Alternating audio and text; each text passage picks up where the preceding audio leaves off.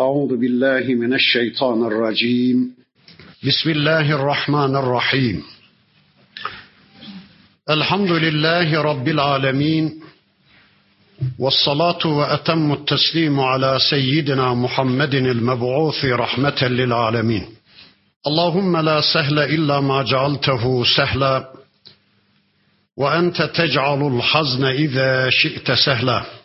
اللهم علمنا ما ينفعنا وانفعنا بما علمتنا وزدنا علما برحمتك يا أرحم الراحمين.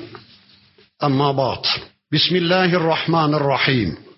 كاف ها يا عين صاد. ذكر رحمة ربك عبده زكريا. إذ نادى ربه نداء خفيا.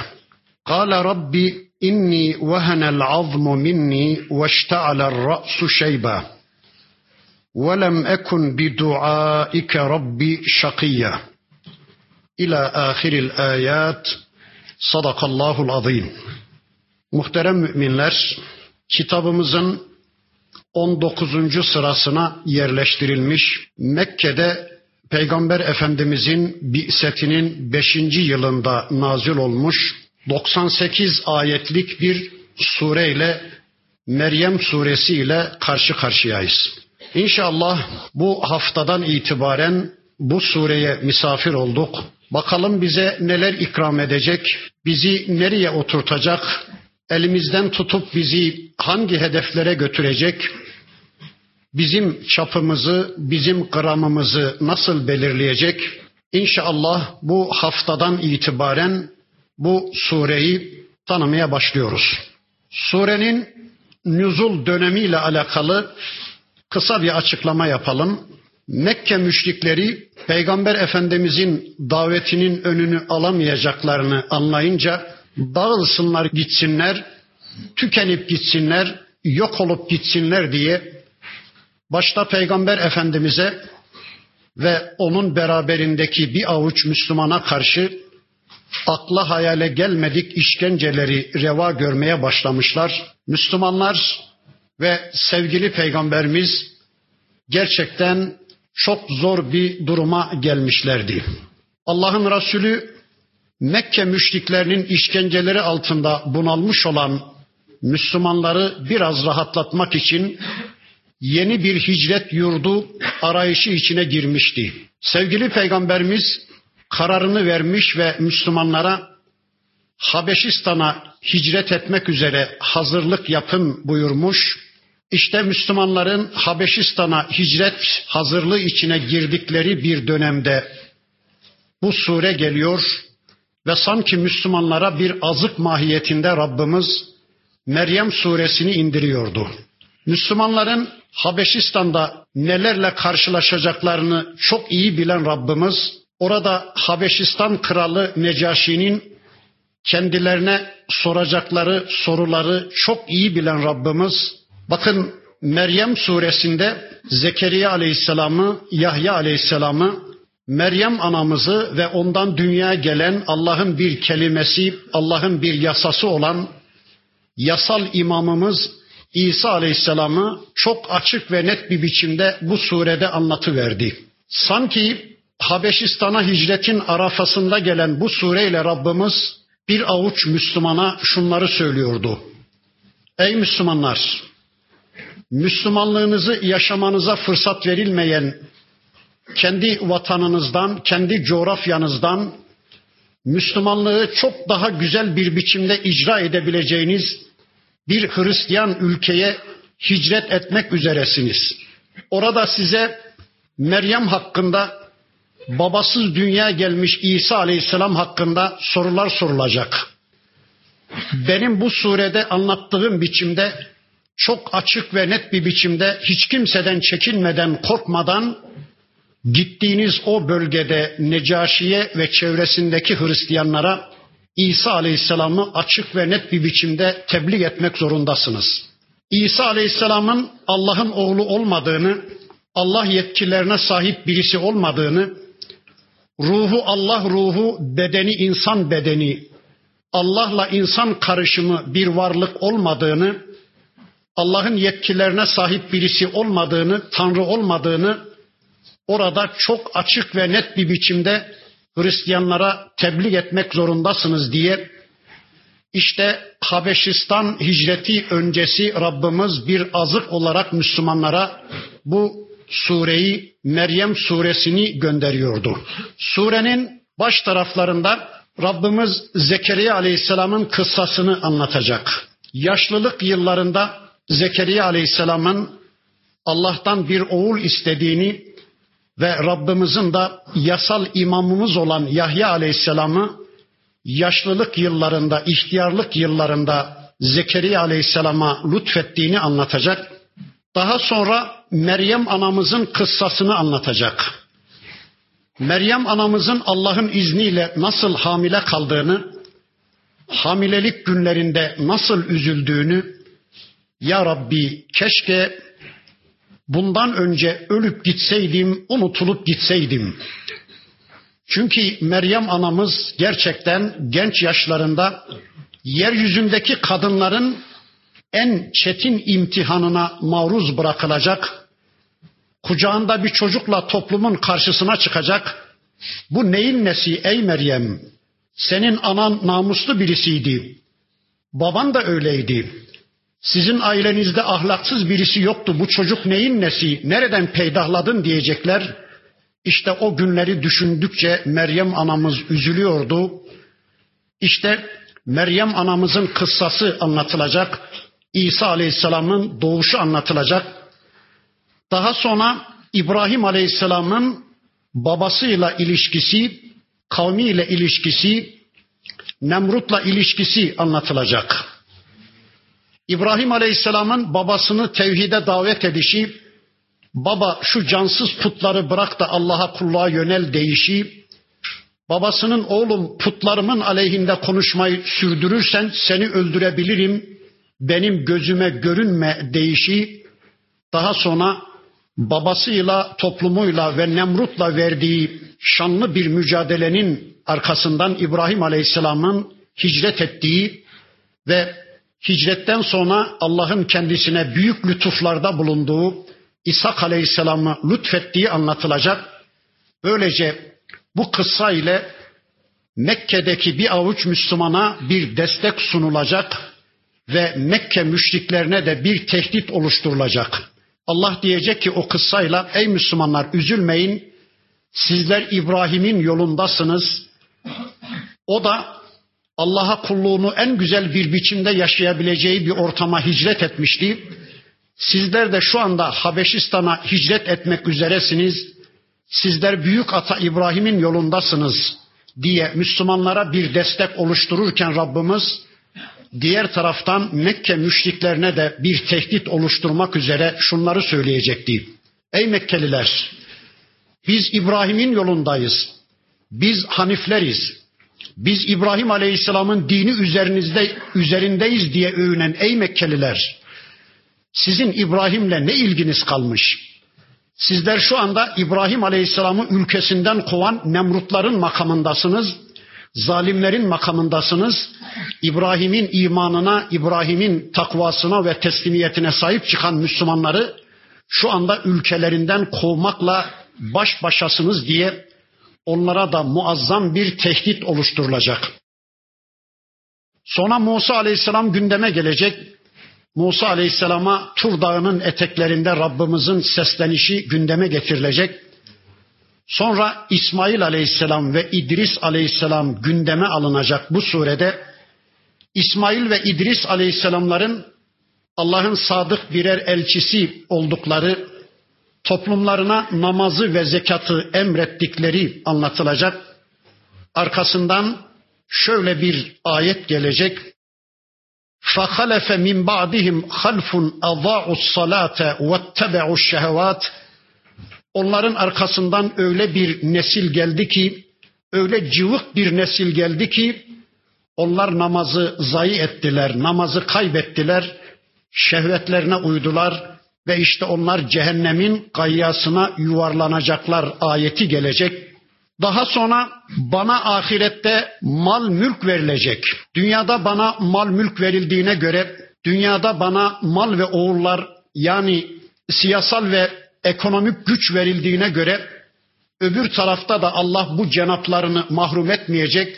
Öbür tarafta da Allah bana mal mülk verecek, makam mevki verecek diyen bir kafirin örneği anlatılacak ve daha sonra Allah oğul edindi, Allah'ın evladı var diyen Yahudi ve Hristiyanlar gündeme getirilecek ve işte bu sure bize çok şerefli bilgileri sunacak.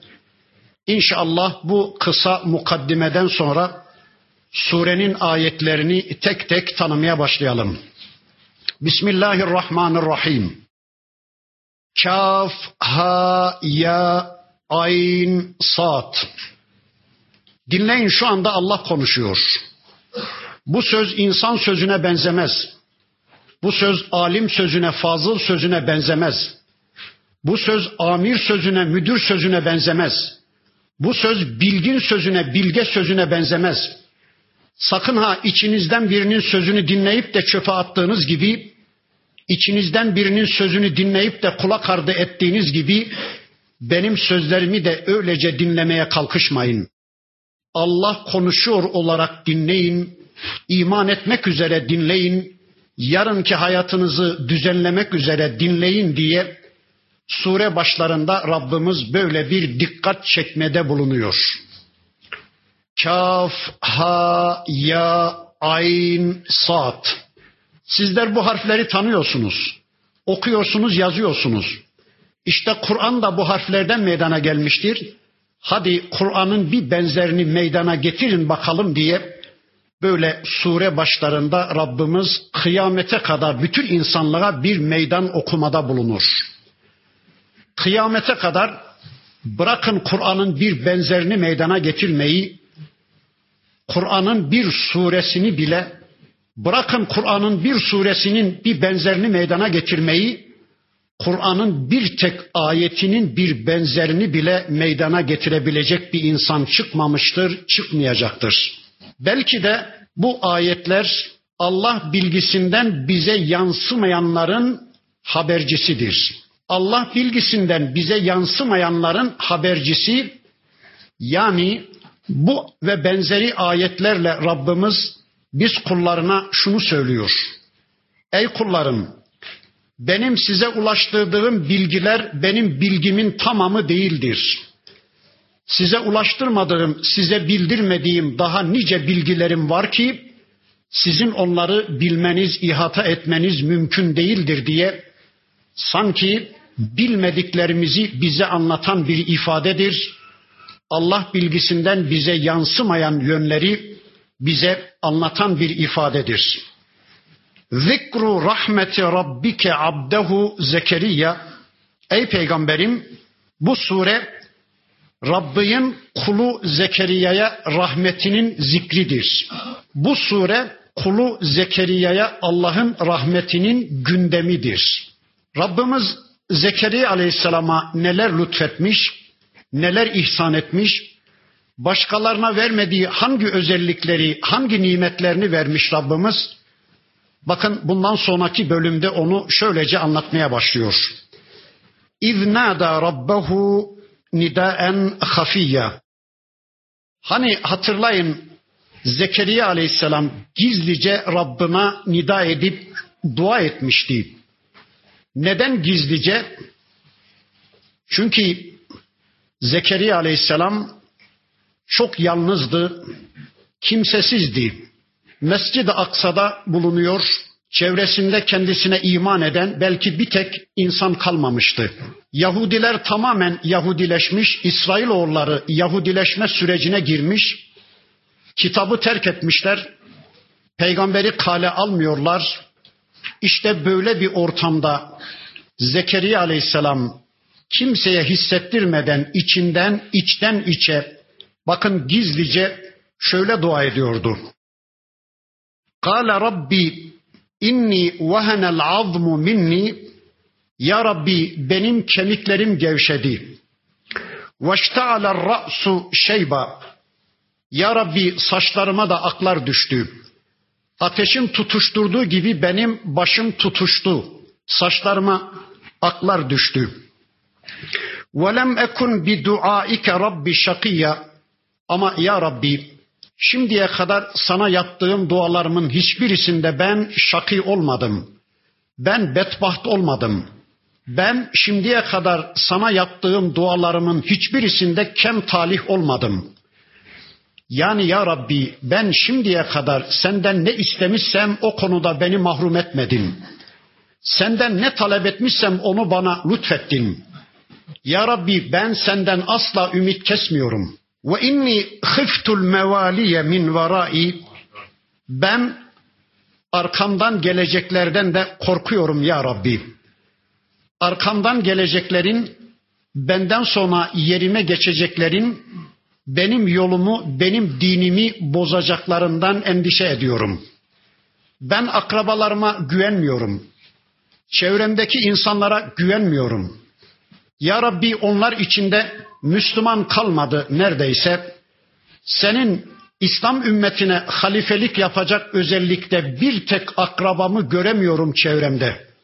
Bakın İsrailoğulları Zekeriya Aleyhisselam döneminde Yahudileşme sürecine girmişler. Az evvel de ifade ettiğim gibi kitaplarını ve peygamberlerini terk etmişler.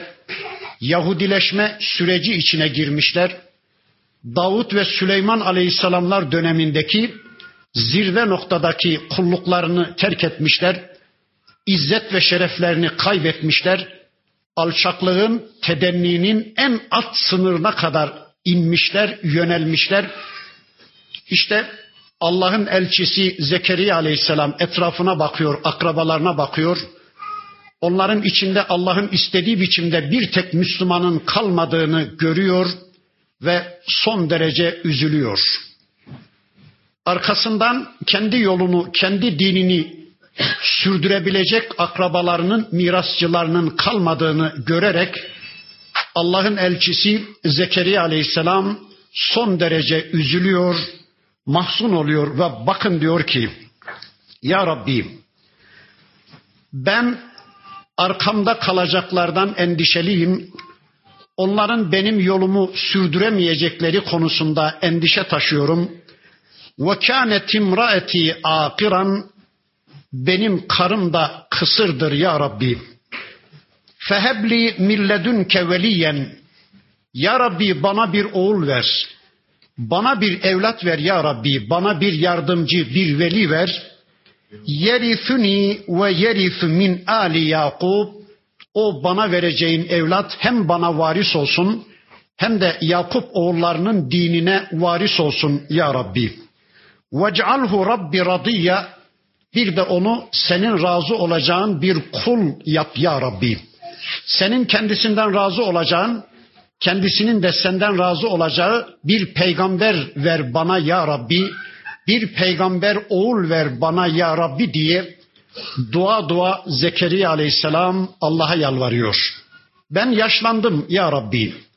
Kemiklerim gevşedi, saçlarıma atlar düştü. Senden kendime bir şey isteyeceğim, bir şey talep edeceğim ama duanın şartlarını yerine getirebilecek, tevessüle sarılabilecek gücüm kalmadı. Geçen haftaki dersimde söylemiştim. Allah yeryüzünde her şeyi bir sebebe, bir yasaya bağlamış. Duanın da şartları var. Sadece dil ile yapılan dua eksiktir. Onu Hazreti Musa Aleyhisselam'ın hayatında görmüştük. Çölde Musa Aleyhisselam kavmini sulamak istemişti. Ve iz istasqa Musa li kavmihi Musa kavmine su istemişti. Ya Rabbi kavmim su istiyor demişti. Allah da buyurdu ki فَقُلْ نَضْرِبْ بِعَصَاكَ الْحَجَرِ Ey Musa asanı taşa vur. Bakın dil ile yapılan dua eksiktir. Bir de elin hareket etmesi gerekiyormuş. İşte Allah dedi ki ey Musa asanı taşa vur. Musa aleyhisselam şöyle deseydi. Ya bunun suyla ilgisi ne? Ben Allah'tan su istedim. O da asanı taşa vur dedi. Vurulacak bir değnek, vurulacak yerde bir taştır. Bunun suyla ilgisi ne deseydi. Aklı işin içine karıştırsaydı. Fiziği, kimyayı devreye soksaydı. inanın oradan su çıkmayacaktı.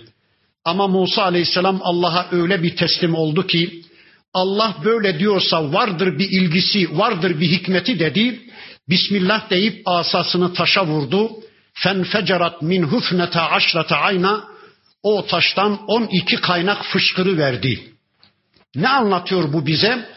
Sadece dil ile yapılan dua eksiktir. Sebeplerine de tevessül gerekir. Geçen haftaki dersimde de söylemiştim. Çocuğa ulaşmak mı istiyorsunuz? Evlenmek zorundasınız. Sebeplerini işlemek zorundasınız. Karnınızın doymasını mı istiyorsunuz? Ekip dikmek, çalışıp çabalamak, sebeplerini işlemek zorundasınız. Özgürce bir hayata ulaşmak mı istiyorsunuz? Köle bir hayattan kurtulmak mı istiyorsunuz? Silahı elinize almak, savaşmak zorundasınız. Yani bu alemde Allah her şeyi bir sebebe bağlamış. Sadece dil ile yapılan bir talep eksiktir. Sebebini de işlemek zorundayız. İşte bakın Zekeriya aleyhisselam diyor ki ya Rabbi senden bir şey isteyeceğim. Kendime bir evlat isteyeceğim, bir oğul isteyeceğim ama duanın sebeplerini yerine getirecek, esbaba tevessül edecek gücüm kalmadı. Ben yüz yaşını aşmış, ihtiyarlamışım. Karım da kısırdır ya Rabbi. Ama şimdiye kadar sana yaptığım dualarımın hiçbirisinden ben ümitsizliğe düşmedim ki. İstediğim her bir şeyi bana lütfettin. Ya Rabbi ben senden bir oğul istiyorum, bir evlat istiyorum diye dua dua Allah'a yalvarıyor. Tabi daha önce Mescid-i Aksa'da Meryem anamız onun kefaletindeydi. Zaman zaman küçük yaştaki Meryem kızcağızın odasına uğruyor. Bir bakıyordu ki kışın yaz meyveleri, yazın kış meyveleri. Soruyordu ey Meryem bunlar nereden geliyor sana? O da Rabbimden diyordu ya ümide kapılmıştı. Rabbimizin Meryem anamıza lütuflarını görünce ümidi bir kat daha artmıştı. Yine daha önce büyük atası İbrahim Aleyhisselam'ın yüz yaşını aşmış çağında Sara annemiz de kuru bir değnek haline geldiği bir çağda Allah'ın o ikisine İshak Aleyhisselam'ı lütfettiğini bildiği için işte o da Allah'tan bir evlat istiyor. Diyor ki ya Rabbi bana vereceğin oğul bana varis olsun. Bir de Yakup oğullarının dinine varis olsun. Bakın sevgili peygamberimizin İmam Buhari Efendimizin bize naklettiği bir hadisi şerifi var. Orada diyor ki Allah'ın Resulü biz peygamberler topluluğu miras bırakmayız. Biz peygamberler topluluğunun varisi olmaz. Bizim geriye bıraktığımız her şey sadakadır, ümmetin ortak malıdır. İşte Zekeriya Aleyhisselam'ın Ya Rabbi bana bir varis ver ifadesini de böyle anlıyoruz. Yani Ya Rabbi benim malıma, mülküme varis olsun demiyordu. Ya Rabbi benim adımı, benim sanımı sürdürsün, benim zürriyetimi devam ettirsin için de istemiyordu Zekeriya aleyhisselam. Ne için istiyordu? Ya Rabbi gözüm arkada kalmasın, benden sonra akrabalarım içinde benim yolumu sürdürecek bir tek Müslüman göremiyorum. Ne olur bana bir oğul ver de benim dinimi gelecek nesillere aktarsın. Benim izim, benim yolum unutulmasın, kaybolup gitmesin ben şu Yahudileşen İsrailoğullarından artık ümidi kestim diyordu. Evet işte çocuk bunun için istenir. Evlat bunun için istenir. Benim adım sanım devam etsin için değil. Benim malım mülküm birilerine kalmasın da oğlum benim malıma mülküme varis olsun için değil. Ben yaşlanınca oğlum bana hizmet etsin.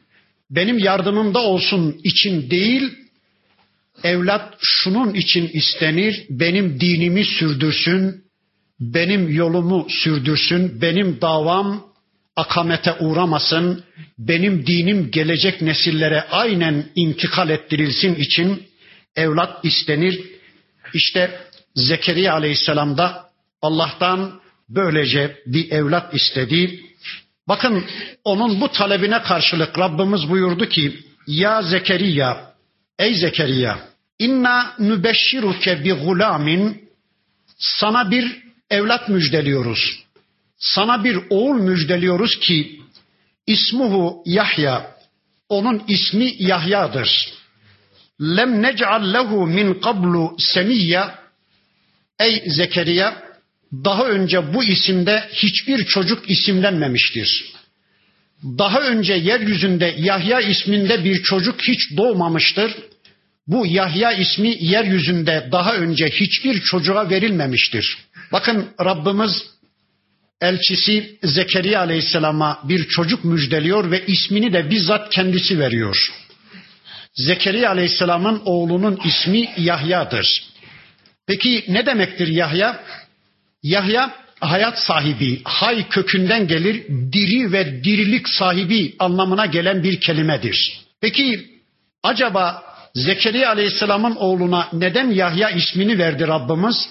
Bunun iki sebebini anlamaya çalışıyoruz. Bir tanesi Yahya Aleyhisselam iki kuru değnekten çıkarılmış bir yaştır. Tabiri caizse iki ölüden meydana getirilmiş bir diridir. Zekeriya aleyhisselam yaşlanmış, yüz yaşını aşmış. Üstelik karısı da en az onun kadar Allahu alem yaşlı. Bir de kısırdı. Gençlik yıllarında bile bir çocuk doğuramamış bir kadındı. İki kuru değnekten bir yaş çıkarıyor Allah. Ya da tabiri caizse iki ölüden bir diri çıkarıyor Allah. Onun için Yahya aleyhisselama dirilik anlamına, hay sahibi, hayat sahibi anlamına Yahya ismi verilmiş. Bir ikinci sebebi de şöyle anlıyoruz. Yahya aleyhisselam genç yaşlarında 30 küsür yaşlarında Allahu alem babası Zekeriya aleyhisselamdan önce şehit edildi. Bir kılıçla Yahudiler onun kellesini kesip krala takdim ettiler. Babasından önce şehadet şerbetini yudumladığı için şehitler de diridir ya, şehitlere ölü demek caiz değil ya, işte babasından önce genç yaşlarında şehadet şerbetini içtiği için Yahya Aleyhisselam'a Yahya ismi verilmiştir. Yahya Aleyhisselam'ın şehadetinden kısa bir süre sonra babası Zekeriya Aleyhisselam da belinden testereyle kesilip yine Yahudiler tarafından şehit edildi. Böylece Allah'ın iki kutlu elçisi şehadet şerbetini yudumlayarak cennete Allah katına uçup giderlerken baba ve, baba ve oğlu şehit eden Yahudi toplumu da yeryüzünde lanetlik bir toplum olarak yerlerini aldılar. Sadece Zekeriya ve Yahya aleyhisselam değil, Kur'an'ın beyanıyla yüzlerce peygamberi öldürdü bu Yahudi toplumu. Sonra İsa aleyhisselam elçi olarak göreve başladı. Yine Yahudiler İsa Aleyhisselam'ın peşine düştüler onu öldürmek için. Roma imparatoruna kellesini takdim etmek için, Roma imparatoruna yaranmak için ama bildiğiniz gibi Allah yasal örneğimiz, yasal imamımız İsa Aleyhisselam'ı onlardan korudu. Onu gökyüzüne kaldırdı. Ona ilişemediler. Daha sonra Peygamber Efendimiz'i de öldürmek için Medine'de nice komplolar hazırladılar. Önceki derslerimin birisinde söylemiştim. Bir defasında Yahudiler çağırdılar peygamberimizi kendi mahallelerine. Bir anlaşma tazeleyeceklerdi. Bozdukları, nakzettikleri bir anlaşmayı yeniden tazeleyeceklerdi. Önceden bir binanın altına minderler serdiler. Peygamber Efendimiz'i bir yere oturttular. Binanın üstüne de büyükçe bir taş koydular. Tam peygamberimizin oturduğu yerin üstüne birisi güya kazara o taşı düşürecek. Peygamber Efendimiz'i orada şehit edeceklerdi. Yahudiler böyle bir komplo hazırlamışlardı. Ama Cebrail aleyhisselam geldi. Ey Muhammed derhal burayı terk et. Yukarıda senin için bir komplo hazırlandı dedi. Allah'ın Resulü oradan ayrıldı. Ey Yahudiler bunun cezasını çetin ödeyecek ödeyece, ödeteceğim size dedi ve arkasından Medine'den Yahudileri sürdü Allah'ın Resulü. Şunu demek için bunları söyledim. Sadece Zekeriya ve Yahya aleyhisselam değil, yüzlerce peygamberin kanına girdiği bu lanetlik toplum, işte şu anda da masum Müslümanları öldürüyorlar.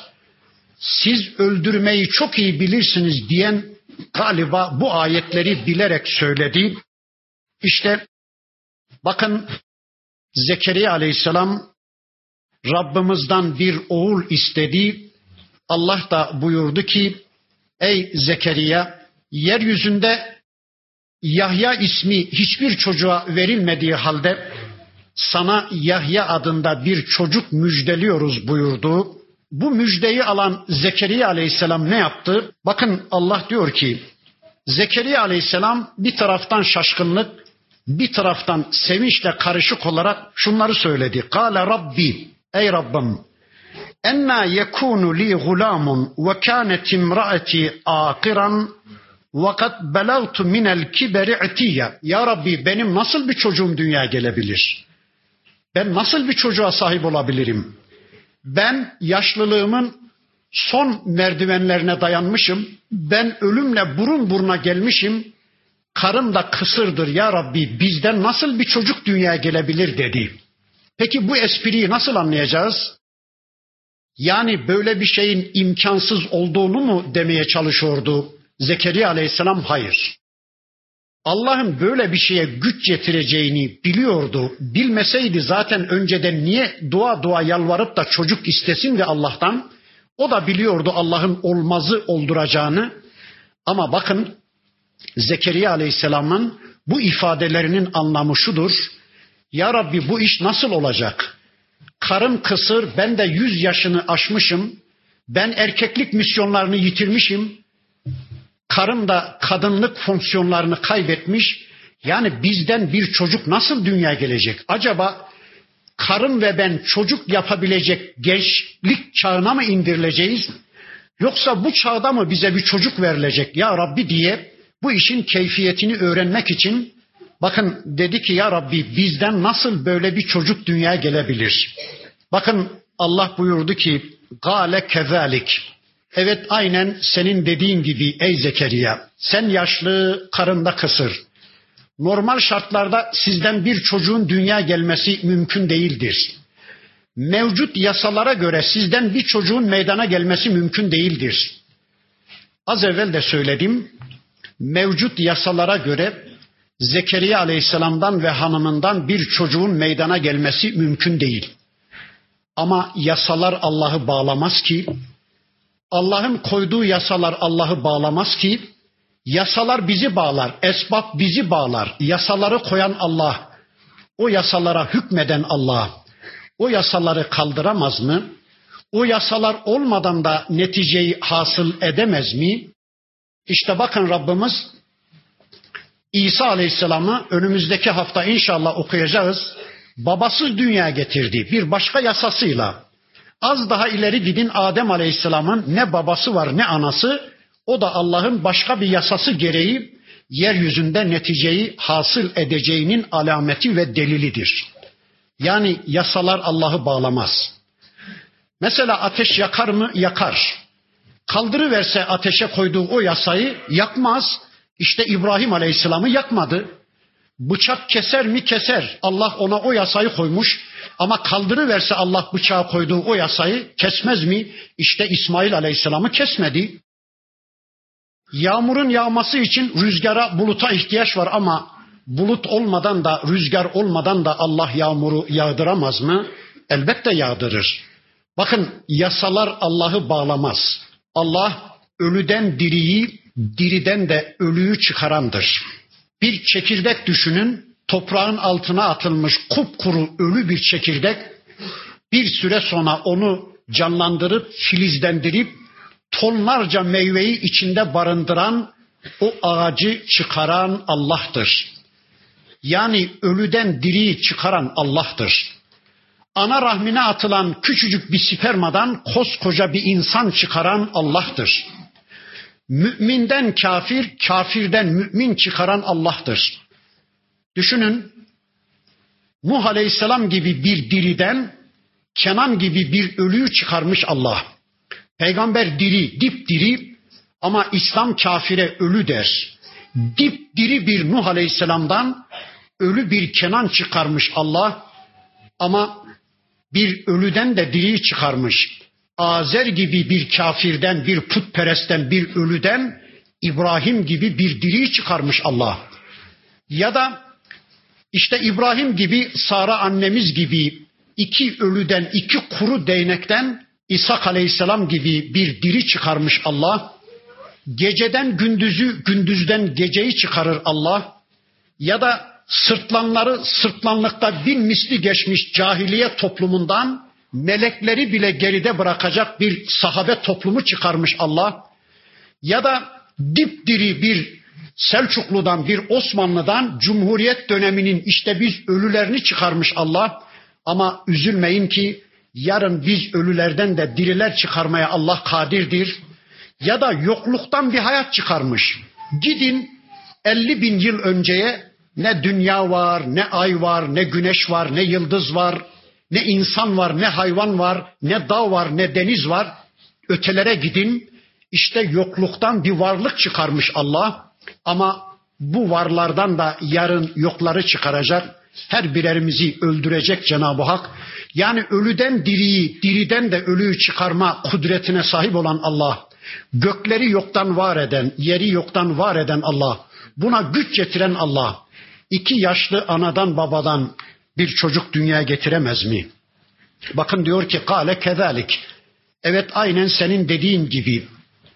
Ey Zekeriya, sizden bir çocuğun meydana gelmesi mevcut yasalara göre mümkün değil ama kâle rabbuke Rabbin diyor ki huve aleyye heyyin o benim için çok kolaydır. Bitti. Allah için zor diye bir şey var mı? Söyleyin Allah aşkına. Allah için zor kolay diye bir şey yoktur. Allah için büyük küçük diye bir şey yoktur. Allah bir şeyin yaratılmasını diledi mi ol deyi verir, o da olu verir. Bitti. Bakın Allah diyor ki huve aleyye heyyin. Ey Zekeriya bu iş benim için çok kolaydır. Vakat halaktuke min qablu ve lem teku şey'a. Düşünsene bir zamanlar sen yoktun da seni yokluktan varlığa biz çıkarmadık mı? Şimdi yüz yıl önceye gitsek şuradakilerin hiçbirisi yoktu değil mi? Hani İnsan suresinde bir ayet vardı bu konuyu anlatan. Hel eta alel insani hinun mined dehri lem yekun şey'en mezkura. İnsan üzerinden öyle bir zaman geçti ki insan zikre bile değmezdi. Yani insan diye bir varlık yoktu. Zikre bile değmezdi. Öyle bir dönem geçti. Bakın insanlığı Allah yeryüzünde var vermiş. İşte diyor ki bakın ey Zekeriya bir zamanlar sen yoktun da seni nasıl yokluktan varlık alemine çıkarmışsak senden ve kısır olan karından elbette bir çocuğu dünya getirmek bizim için kolaydır, zor değildir. Sonra bu müjdeyi alınca Zekeriya aleyhisselam bakın dedi ki Kale Rabbi cealli ayeten Ya Rabbi bana bir ayet bir alamet ver. Yani benim karım oğlum Yahya'ya hamile olduğu zaman ben onu nasıl bileceğim? Biz nasıl bileceğiz? Bize bir alamet, bir işaret versen de o işareti, o alameti gördüğümüz zaman çocuğumuzun olacağını kesin anlasak, yani karımın Yahya'ya oğluma hamile kaldığını anlasam dedi, bir alamet, bir işaret istedi.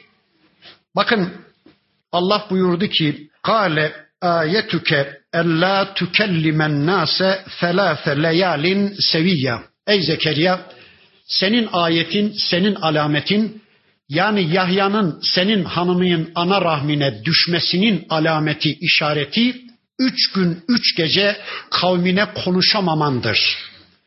Nutkun alınacak, konuşma özelliğin alınacak, hiçbir hastalığın, hiçbir rahatsızlığın olmadığı halde fiziksel olarak ağzın yerinde, dudakların, dilin yerinde olduğu halde sen üç gün, üç gece kimseyle konuşamayacaksın, nutkun tutulacak dedi Böylece Zekeriya aleyhisselam bu işin alameti de öğrenmiş oldu. Hemen arkasından öyle bir an geldi ki Zekeriya aleyhisselam konuşamıyordu. Dili tutulmuştu, onun konuşma özelliği alınmıştı. Dili yerindeydi, ağzı yerindeydi, hiçbir rahatsızlığı yoktu ama bir alamet olarak Allah onun nutkunu alıverdi. Peki konuşma özelliği alınınca ne yaptı Zekeriya aleyhisselam? Madem ki konuşamıyorum, madem ki nutkum tutuldu, o zaman ben de bir tatile çıkayım.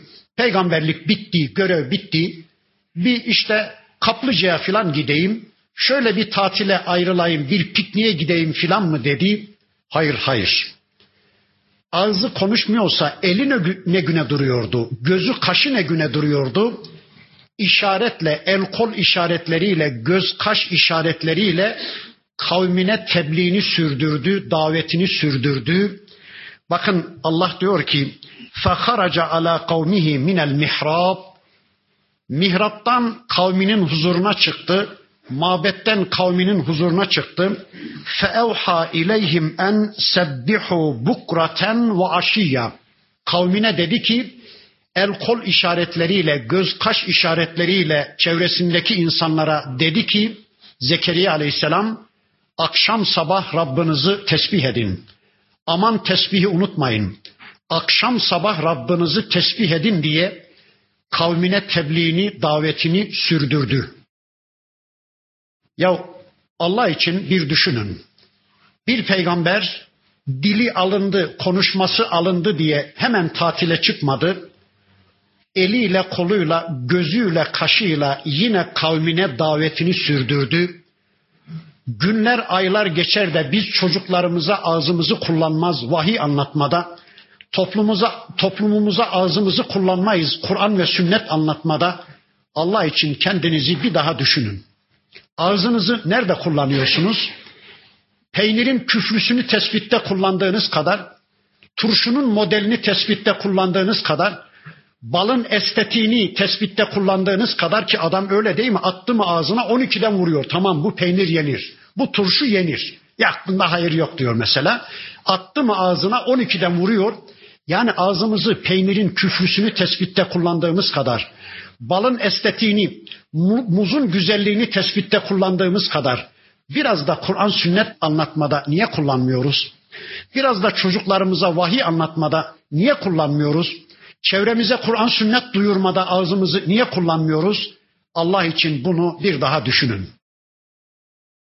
Bakın Zekeriya aleyhisselam dili tutuldu, nutku alındı, konuşamıyordu ama el kol işaretleriyle de olsa, göz kaş işaretleriyle de olsa toplumuna kulluk görevini yerine getiriyordu. Davetini sürdürüyordu. Allah için biz de bunu yapmaya çalışalım inşallah. Bundan sonraki ayeti kerimesinde Rabbimiz Yahya aleyhisselama sesleniyor. Ya Yahya, ey Yahya. Yahya doğdu. Yahya yürüdü. Yahya apaladı. Yahya emekledi. Yahya rüş çağına ulaştı. Yahya peygamber. Allah bize doğuşunu, apalayışını, eğitimini, çocukluğunu anlatmaz. E niye anlatsın da bize ne gerek de? Bize lazım olan şeyleri anlatır Rabbimiz. Bakın Yahya çoktan peygamber oldu bile Allah ona şöylece hitap ediyor. Ya Yahya, ey Yahya. Hudil kitabe bi kuvvetin. Kitaba kuvvetlice tutun ey Yahya. Hangi kitaptı? Tevrat. Musa Aleyhisselam'a verilen Tevrat. Henüz İsa Aleyhisselam dünyaya gelmedi. İsa Aleyhisselam'a henüz İncil verilmedi. O dönemde yeryüzünde hüküm ferma olan Tevrat vardı. İsrailoğullarının Musa Aleyhisselam'la İsa Aleyhisselam arasında gelip geçen bütün peygamberleri o Tevrat'la amel etmek zorundaydı. İşte bakın Allah dedi ki ey Yahya Tevrat'a kuvvetlice tutun. Bu emir bizim kitabımızda geldiğine göre sadece Yahya Aleyhisselam'a bir emir değil, bu aynı zamanda bize de bir emir. Ey Ali, ey Hasan, ey Hüseyin, kitaba kuvvetlice tutun. Hangi kitap? Şu anda Kur'an var. Kur'an'a kuvvetlice tutunun ey Müslümanlar. Peki kitaba kuvvetlice tutunmayı nasıl anlayacağız? Kitabın muhtevasını hafızada canlı tutarak ayetlerin muhtevasını zihinde, hayatta canlı tutarak kitabı elimizden ve dilimizden düşürmeyerek ben bunsuz yaşayamam. Ben bunsuz hayatıma program yapamam. Ben bunsuz cennete gidemem. Ben bunsuz Rabbimin rızasını kazanamam. Ben bunsuz dünyamı da ukbamı da elde edemem düşüncesiyle kitabı elimizden ve dilimizden bırakmamamız emrediliyor. kitaba öyle bir sarılın ki gece gündüz kitapla birlikte öyle bir yatıp kalkın ki kitapla düşünün, kitapla yiyin, kitapla konuşun, kitapla yürüyün, kitabı kendinizden, kendinizi kitaptan ayırmayın. Yani kitabın önüne başka şeyleri geçirmeyin. Ne işinizi, aşınızı, mesleğinizi, meşrebinizi, ne cemaatinizi, kılığınızı, grubunuzu, ne partinizi, ne sosyal hayatınızı, ne mesleğinizi kitabın önüne geçirmeyin. Kitap en önde olsun.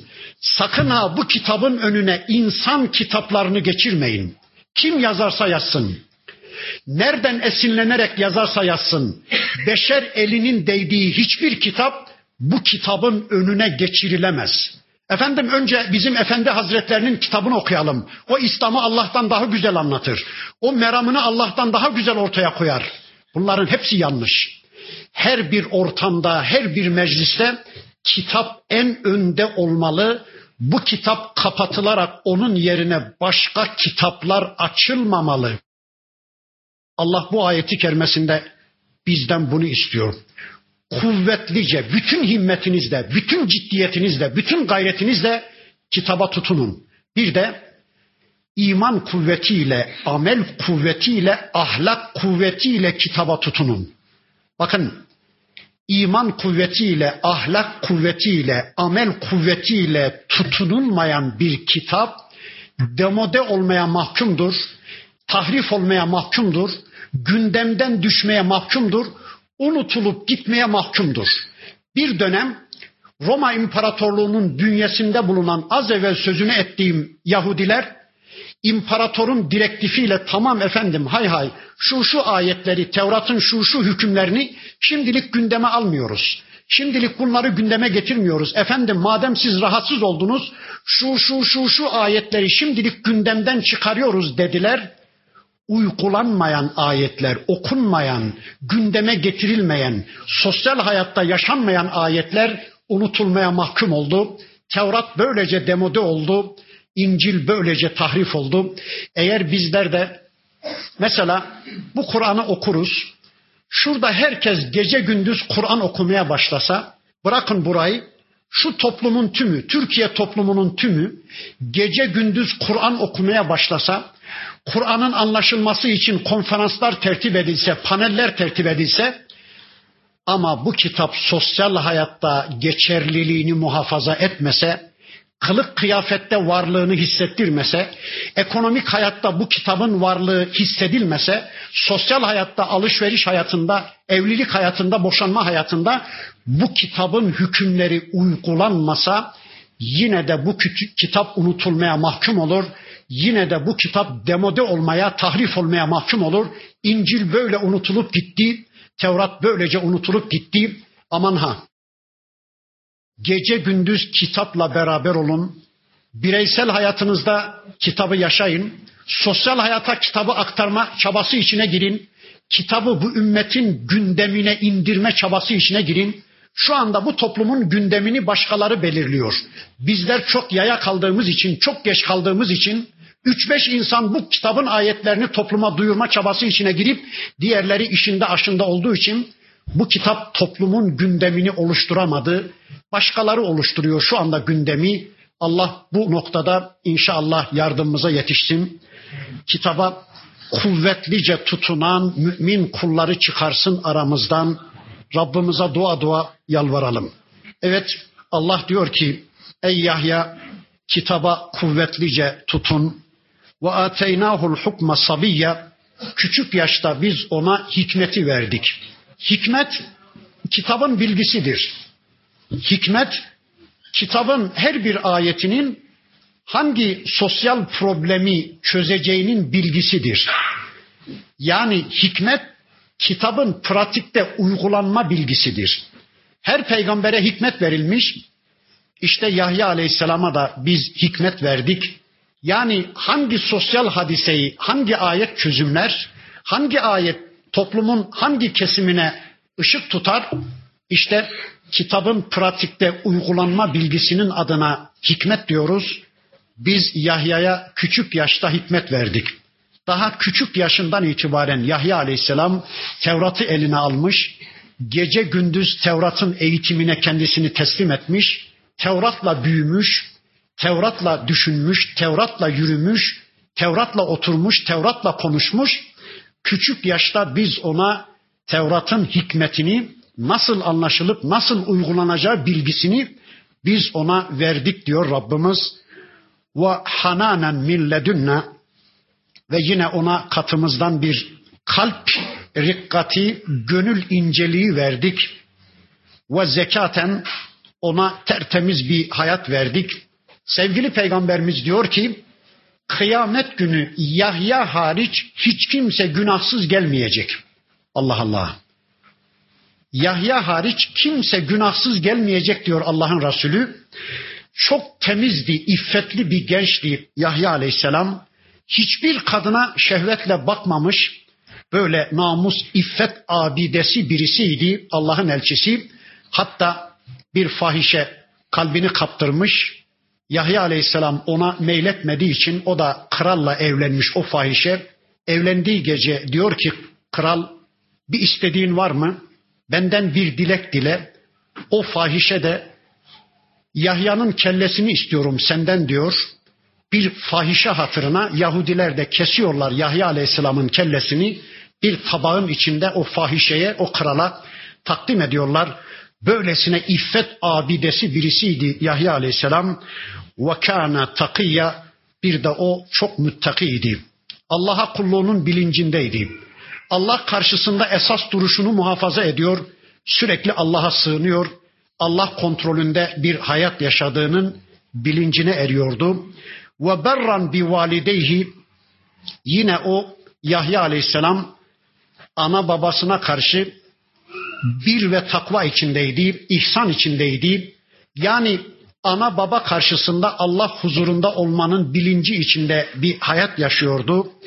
وَلَمْ يَكُنْ جَبَّارًا asiya gerek Allah'a karşı, gerek Allah kullarına karşı, gerekse ana babasına karşı Yahya aleyhisselam cabbar değildi, zorba değildi, bir de isyankar birisi değildi. Allah'ın sevdiği bir kuldu, Allah'ı seven bir kuldu. Sevgisi Allah içindi. Allah'ın sevdiklerini seviyor, Allah'ın sevmediklerini sevmiyordu. Gazabı Allah içindi. Allah'ın gazap ettiklerine gazap ediyor. Allah'ın razı olduklarından razı oluyordu. Allah'tan razı oluyordu. Zaten Zekeriya aleyhisselam öyle dua etmişti. Ya Rabbi onu senin kendisinden razı olacağın, onu da senden razı olacak bir kul kıl diyordu. Yahya aleyhisselam Allah'tan razıydı. Ne demek Allah'tan razı olmak? Allah'tan gelenlerden razıydı. Kazanma harcama adına Allah'ınkilerden razıydı. Başkalarının ortaya koyduğu sistemden razı değildi. Kılık kıyafet adına Allah'ınkilerden razıydı. Kılık kıyafet tanrılarının, moda tanrılarının kılık kıyafet anlayışından razı değildi. Gece hayatı adına Allah'ınkinden razıydı. Yani Allah ne göndermişse Allah'ınkilerden razıydı. Allah'a kulluğa yönelmiş bir kuldu. Yahya aleyhisselam ve selamun aleyhi yevme vulide doğduğu gün Yahya'ya selam olsun. Ve yevme yemutu genç yaşında şehadet şerbetini içtiği gün Yahya'ya selam olsun. Ve yevme yub'afu hayya ve yarın diriltileceği gün kıyamet günü Yahya'ya selam olsun. Bakın Allah söylüyor bunu. Bundan daha büyük bir şeref olur mu ya? Allah bir kuluna selam diyor. Allah bir kulu için selamet diliyor. Bundan daha büyük bir şeref olur mu? Doğduğu gün Yahya'ya selam olsun. Doğarken dirilik halinde doğmuştu. İki ölüden dünyaya gelmişti. Yaşarken Müslümanca bir hayat yaşamıştı. Ölürken şehadet şerbetini yudumlamış. Allah için kulluğundan vazgeçmemiş. Allah'a kulluğundan zerre kadar taviz vermemiş, iffetsizliğe düşmemişti. O kendisine meyledenlere zerre kadar iltifat etmemiş, Allah'a kulluğunu sürdürmüştü. İşte şehit olurken ona selam olsun. Bir de kıyamet günü dirilirken Yahya'ya selam olsun. İşte Rabbimiz Meryem suresinin bugün okuyacağımız birinci bölümünde bize yasal örneğimiz Zekeriya aleyhisselamı anlattı. Ali İmran suresinde gündeme getirilen İmran ailesinin iki üyesinden söz etti. Bir tanesi Zekeriya aleyhisselam, ötekisi de Yahya aleyhisselam. Bundan sonra İmran ailesinin öteki üyelerinden Meryem anamız ve İsa aleyhisselamın dünya gelişini anlatacak Rabbimiz. Yasal imamımız, yasal örneğimiz İsa aleyhisselamın dünyaya gelişi ayetlerini okumak için tekrar bir araya gelmek üzere Allah'a emanet olun. Subhaneke Allahumma ve bihamdik eşhedü en la ilahe illa ente estağfiruke ve etubu ileyk. Velhamdülillahi Rabbil alemin.